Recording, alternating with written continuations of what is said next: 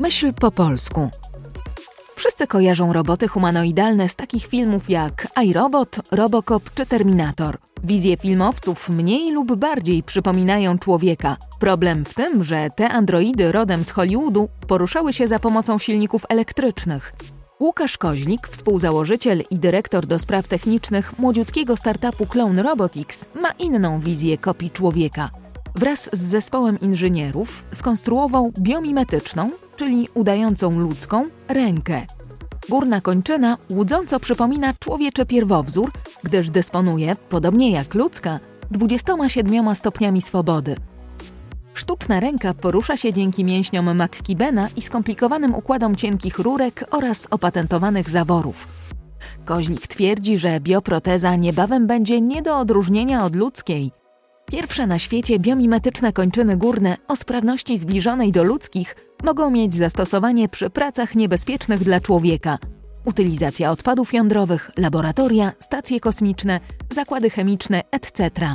Jesteśmy w pięknej, modernistycznej willi we Wrocławiu przy Parku Szczytnickim. W tej willi mieści się Clone Robotics, a w niej Łukasz, Łukasz, powiedz mi, y, bo konstruujecie roboty mimetyczne. Co to znaczy mimetyczne? Mimetyka to jest naśladownictwo, natomiast nasz android jest biomimetyczny, czyli naśladuje e, formy żywe poprzez wykorzystanie napędu, jakimi są sztuczne mięśnie, a następnie kości, bo okazuje się, żeby mięśnie dobrze funkcjonowały, kształt kości też ma bardzo duże znaczenie. Na koniec pokrywamy to skórą, więc to jest odzwierciedlenie tak naprawdę tego robota człowieka w technice. Ta y, ręka, którą y, niedawno prezentowałem, prezentowaliście na Made in Wrocław. Jakie zadania i czynności ona może wykonywać i do, do czego służyć? Ona docelowo jest chwytakiem uniwersalnym, tak jak całe nasze środowisko, wszystkie narzędzia są wytworzone pod ludzką rękę. Ta ręka ma wykonywać wszystko to, co ludzka ręka jest w stanie zrobić. Zakładamy, że odwzorowując budowę ręki jeden do jeden, rzeczywiście tak będzie.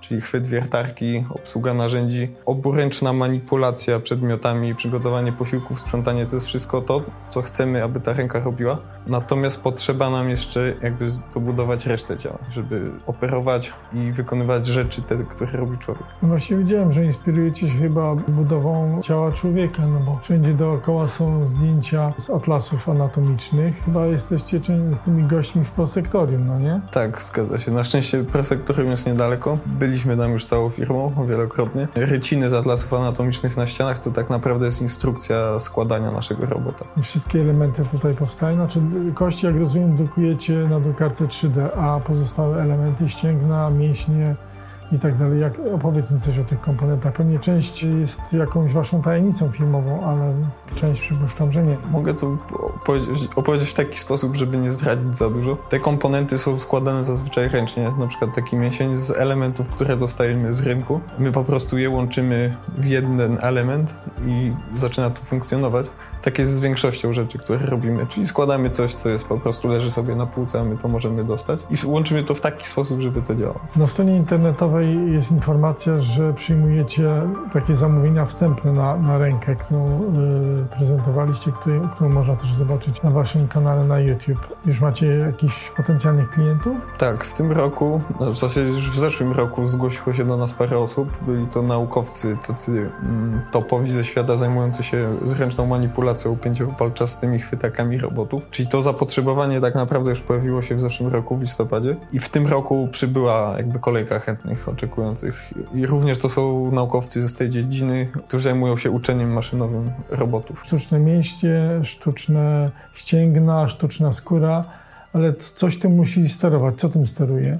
Źródłem zasilania dla naszych mięśni jest woda pod ciśnieniem. Jest to układ hydrauliczny wytwarzający ciśnienie 10 bar. Mniej więcej tyle, co można spotkać w kranach w Polsce. Jest to woda oczyszczona, po najlepiej demineralizowana, żeby się nie okładał jakby osad. Ciśnienie wytwarzamy przez y, mobilną pompę przeznaczoną do, do wody na silniku BLDC, który ma bardzo wysoką moc przy małych gabarytach i wadze. Natomiast strugę cieczy, czyli tak naprawdę kontrolę nad y, mięśniami sprawuje nasze autorskie zabory, które zostały wytworzone specjalnie do sterowania tego rodzaju siłownikiem, jakim jest sztuczny mięsień. A czym się różni wasza koncepcja droida od innych, które można spotkać nie tylko na filmach science fiction, ale też w laboratoriach? Wszystkie roboty wytworzone do tej pory opierały się na jakiejś wizji konstruktora, jak zapakować dostępne komponenty, czyli silniki elektryczne lub serwomechanizmy, do pudełka w kształcie ludzkiej formy. Czyli tak naprawdę jak zdejmiemy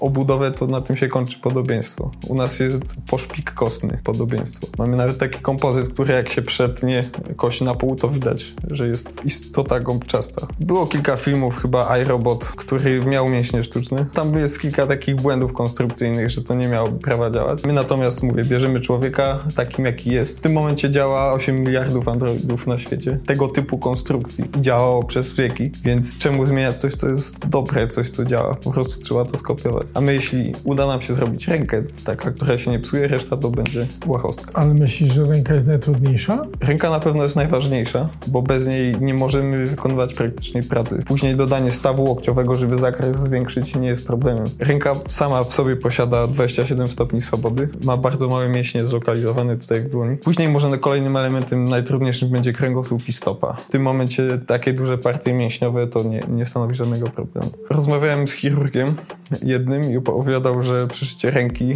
e, zajmuje półtorej godziny trzem osobom, a przyszycie kciuka ma 6 godzin. Po prostu tu są tak małe naczynia krwionośne, nerwy i tak dalej, że bardzo ciężko przy tym operować.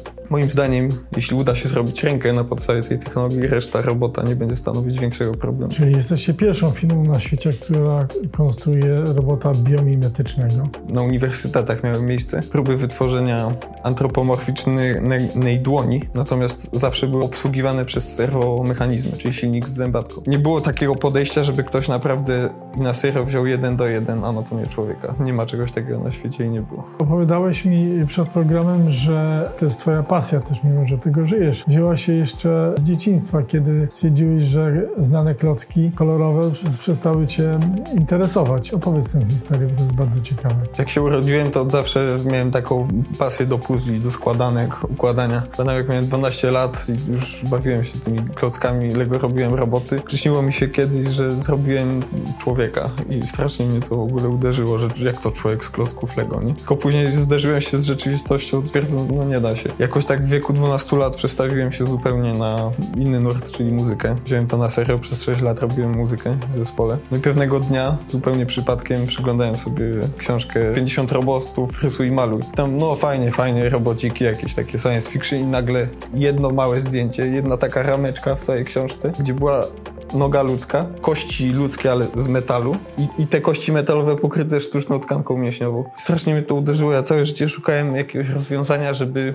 zrobić coś ze swoim życiem, żeby już do końca życia nie musieć sprzątać i żeby to nie robiła moja siostra, matka ani żona. Myślałem jakiś za dzieciaka, o telekinezach i tak dalej, nic nie działało oczywiście i właśnie tego dnia powiedziałem, kurde, to jest rozwiązanie. Wziąć, zrobić i odtworzyć człowieka, który zrobi wszystko za mnie. Takiego golema bez wolnej woli, który zrobi wszystko, co Bóg się każe. A nie obawiasz się, że to może być tak jak z Frankensteinem? No, Frankenstein nie robił tego w sposób moralny, bo zszywał ludzi. E, my w ogóle jakby od biologii nie myślimy o tym, bo mogłoby być to odrzucające. Używamy polimerów, czyli też materii organicznej. W sumie w 90 ponad 9%, chyba tylko pompa i silnik są metalowe, ale całe ciało, na przykład ręka stąd dotąd ma może promil metalu. Tak całe ciało będzie skonstruowane. No i ten stosunek wody, tam co najmniej 50% masy to będzie woda czysta, więc takiej analogii jest sporo. A jeśli chodzi o urwanie się ze smyczy, czegoś takiego, no to specjalnie to robimy tak, a nie z metalu, żeby powstrzymać bunt maszyn, przebijając zbiornik wody w brzuchu. I póki to jest robione w taki sposób, nie będzie silniejsze od człowieka. To może być podobne, ale nie silniejsze. Czyli to będzie taki asystent, tak? Tak, asystent domowy, o którego tak naprawdę trzeba dbać. On dba o nas, my dbamy o niego, on musi mieć powiedzmy takie temperaturę w miarę okej, okay, żeby mu tam no, nie przekraczał 40 stopni Celsjusza ani poniżej zera. Ta skóra może się ścierać, więc powinien nosić ubrania, zakładać rękawiczki robocze.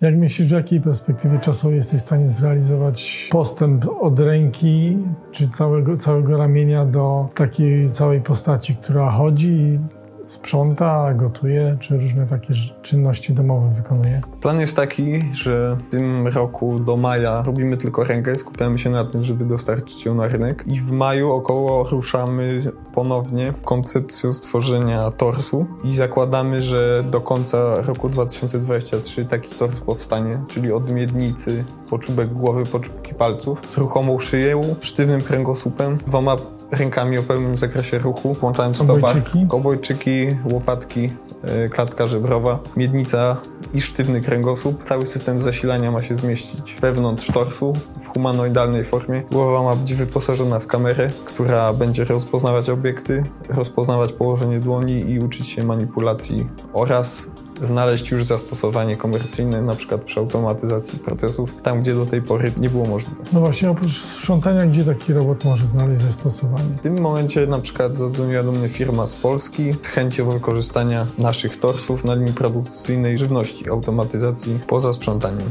Na przykład sortowanie śmieci też było zapotrzebowanie.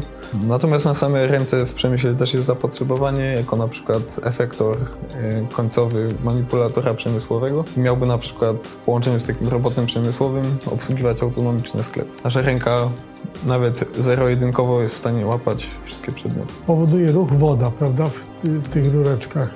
Natomiast pewnie jest jakiś zbiornik wyrównawczy, ja się na tym nie znam, ale co będzie mm, napędzało tę pompę? Jakiś silnik elektryczny musi być? Tak, jest silnik elektryczny BLDC, bezszczotkowy. Energia elektryczna póki co, bo to mamy, to jest najłatwiejsze, ale my nie potrzebujemy tak naprawdę energii elektrycznej, tylko energii ciśnienia, więc można to zastąpić na przykład spalaniem jakichś mieszanek chemicznych, na przykład biogazem. Można zbiornik metanu zamocować, zrobić taką pompę E, wybuchową, która tłoczy ciśnienie i całe zapotrzebowanie energii dla tego robota, tam ułamek procenta na zawory, gdzie tak naprawdę większość energii idzie jednak w wytwarzanie ciśnienia. I to baterie elektryczne dla robotów mobilnych można zastąpić na przykład paliwem e, chemicznym. Tutaj w pomieszczeniu obok stała taka, leżała taka skrzynka i kiedyś do tej skrzynki widziałem podłączoną no, na wspomnianej konferencji we Wrocławiu, widziałem y, podłączoną rękę. Do czego może służyć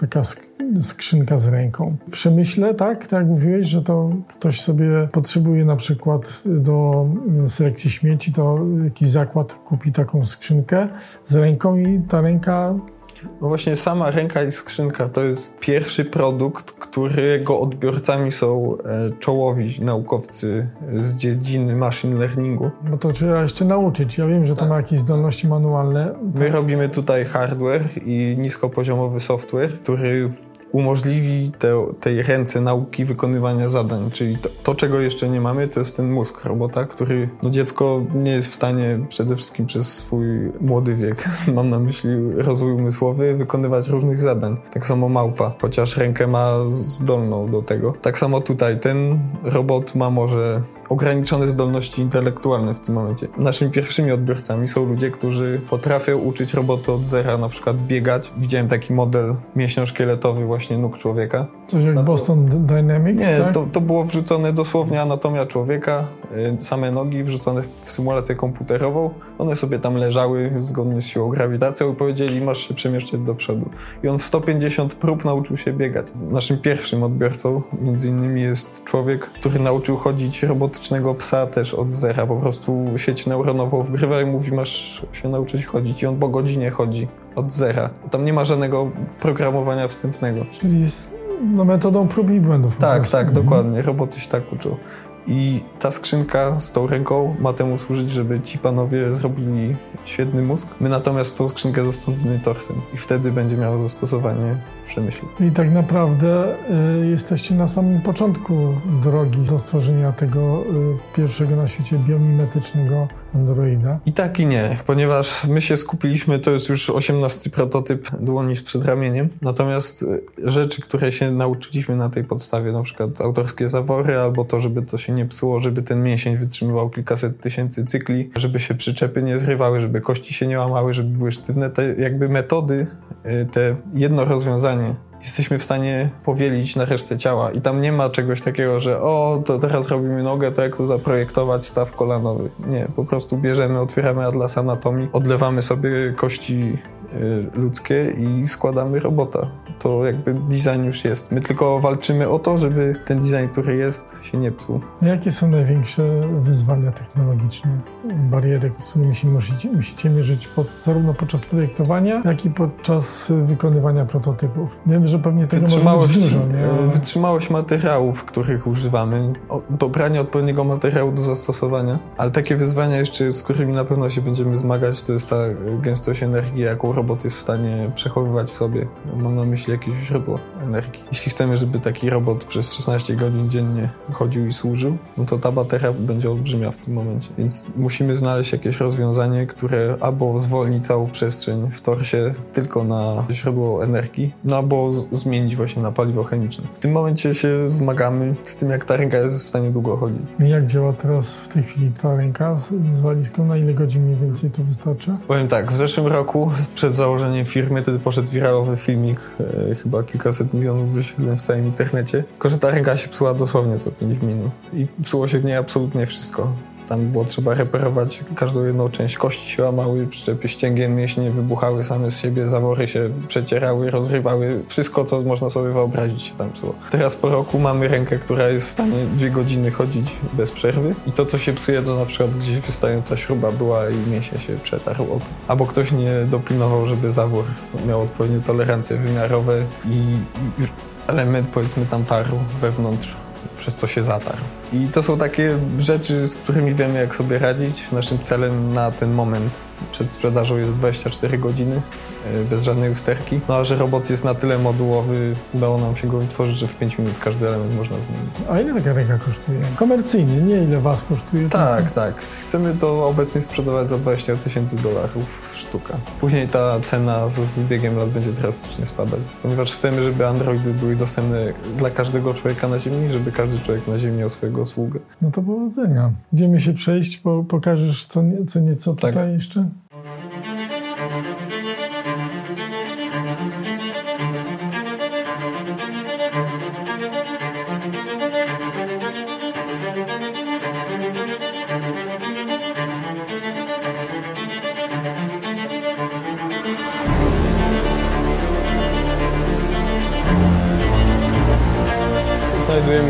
Warsztacie obróbki mechanicznej. Tutaj na stanowisku kolega próbka precyzyjna, w tym przypadku kości oraz wszelakich części konstrukcyjnych ala kość. Tu się znajduje stanowisko do odlewania różnych rzeczy, na przykład form tłuszczu oraz kości. Tutaj mamy odlane już kości, których później składamy nasze ręce. Są różne prototypy skóry w celu wytworzenia warstwy czepnej oraz imitacji koloru skóry żeby był wychwytywany lepiej przez kamerę śledzącą. Taka rękawiczka. Tak, przeróżne dziane rękawiczki bezszwowe z adaptacją właśnie powierzchni ciernej oraz kolorystycznej. Działa. Działa od strzała, tak jak natura chciała. No i w zasadzie tokarka do toczenia metalowych i plastikowych części. Głównie narzędzi wytwarzamy na nie. Tu jest linia do montażu ręki, gdzie trafiają podzespoły z innych części zakładu i tutaj jest ostatecznie składana krok po kroku. Na każdym, każdemu stanowisku jest przypisana dana czynność, na przykład prowadnicę się robi ścięgien, tam troczki i ścięgna. Tutaj mamy tablicę anatomiczną bezpośrednio z atlasu anatomii, yy, która tak naprawdę jest instrukcją składania. Tutaj na przykład przebieg tych ścięgien, jak mają iść pod troczkiem nadgarstka. Następnie tutaj jest stanowisko montażu mięśni. Obecnie się nic nie dzieje, ale mamy z kolei tablicę anatomiczną y, z pokazanymi przyczepami dla każdego mięśnia, opisem mięśnia tak żeby osoba, która składa, wiedziała, gdzie co położyć. Tutaj mamy nasz y, model anatomiczny, czyli docelowy y, szkielet naszego robota. Wersja premium z więzadłami odtworzonymi, przyczepami ścięgien oraz ruchomym kręgosłupem.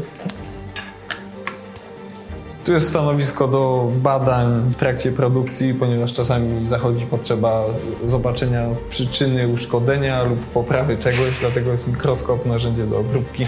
Tutaj się składa już y, ostateczny produkt, czyli walizkę. Ręka ma się z całym systemem zasilania, ma być zamknięta w takiej walizce i wysłana do klienta. To jest stanowisko do wytwarzania mięśni. Wężyki. Tak, wężyki, oploty, rurki. Tutaj jest stanowisko przygotowania żył po drugiej stronie. Wszystko powinno być podpisane, skatalogowane. Każda żyła ma inną długość, niektóre inne średnice. Tu jest bardzo specjalistyczne stanowisko do pawania chemicznego rur których używamy jako systemu zasilania do robota. Na przykład można zobaczyć przykład, jest to element monolitowy, dzięki któremu bardzo dużo się oszczędza przestrzeni, ale także giętkości na połączenia normalne typu trójnik, obejma metalowa. To jest taka hydraulika do, do Tak, to jest hydraulika, z czego po, można to analogicznie porównać do przepływu prądu, yy, rozdzielacza mocy. Jest to unikodowy w skali świata, to co robimy, nie spotkałem się z czymś takim. I docelowo umożliwia nam oszczędzić masę, yy, koszt oraz rozmiar i wrzucić to końcowo do torsu. I jeszcze nie się, koroduje. Tak. Po to, żeby się zginął razem z kręgosłupem. Jaki to jest materiał? To jest poliuretan. Tutaj się składa nasze autorskie zawory. Jeden zawór do obsługi jednego mięśnia waży 24 gramy. Natomiast jest to też unikat na skali światowej. Takich zaworów nie ma na pewno nie działają na takiej zasadzie jak my. U nas nie ma przecieków, jest bardzo tani do wytworzenia, a także ma możliwość kontroli y, zarówno ciśnienia, jak i przepływu, czyli tak naprawdę mamy pełną kontrolę nad pracą mięśni. Tutaj widzę dużo elektroniki. Tak, znajdujemy się w pomieszczeniu inżynierów. Nasi wykształceni koledzy pracują nad projektowaniem elementów robota, głównie elektronika, ale także elementy mechaniczne. Tutaj składanie baterii, stanowisko głównego projektanta, części trójwymiarowych do druku. Znajdujemy się w pomieszczeniu, gdzie wszystko jest testowane, czyli ręka gotowa z układem zasilania, gdzie są testowane algorytmy sterujące ręką oraz testowana jest mechanika. To jest centrum sterowania ręką, tak? Tak, tutaj mamy głównego programistę naszego, który obsługuje rękę. Tu jest stacja testująca charakterystyki mięśni, czyli mierzenie siły, odskurczu, prędkość reakcji, badanie liniowości, położenia elementów zaworu, e, siły generowanej przez mięsień. A tutaj mamy całą stację testową do testowania prototypów mięśni, na które liczone są cykle pod obciążeniem w czasie. No i teraz standardowo jakoś 200 tysięcy każdy mięsień spokojnie jest w stanie zrobić. Tu jest układ wytwarzania ciśnienia, w tym przypadku metalowy. E, nasze układy ciśnienia do robota są wytwarzane z plastiku. W tej pięknej willi no, robisz androidy. Jak byś chciał zachęcić y, młodych ludzi, żeby poszli tw- twoim tropem? Chodzi o to, żeby próbować. E, Nie, nie, nie trzeba na to niczyjego pozwolenia, żeby robić takie rzeczy. Nie trzeba żadnej wiedzy, wystarczy chęć do nauki, nauka i eksperymentowanie. Tak ja doszedłem do pewnych efektów, tak dojdę do androidów. Po prostu próbować, sprawdzać i dążyć do celu. To jest przepis na, na sukces. Dziękujemy i zapraszamy na kolejny odcinek Myśl po polsku.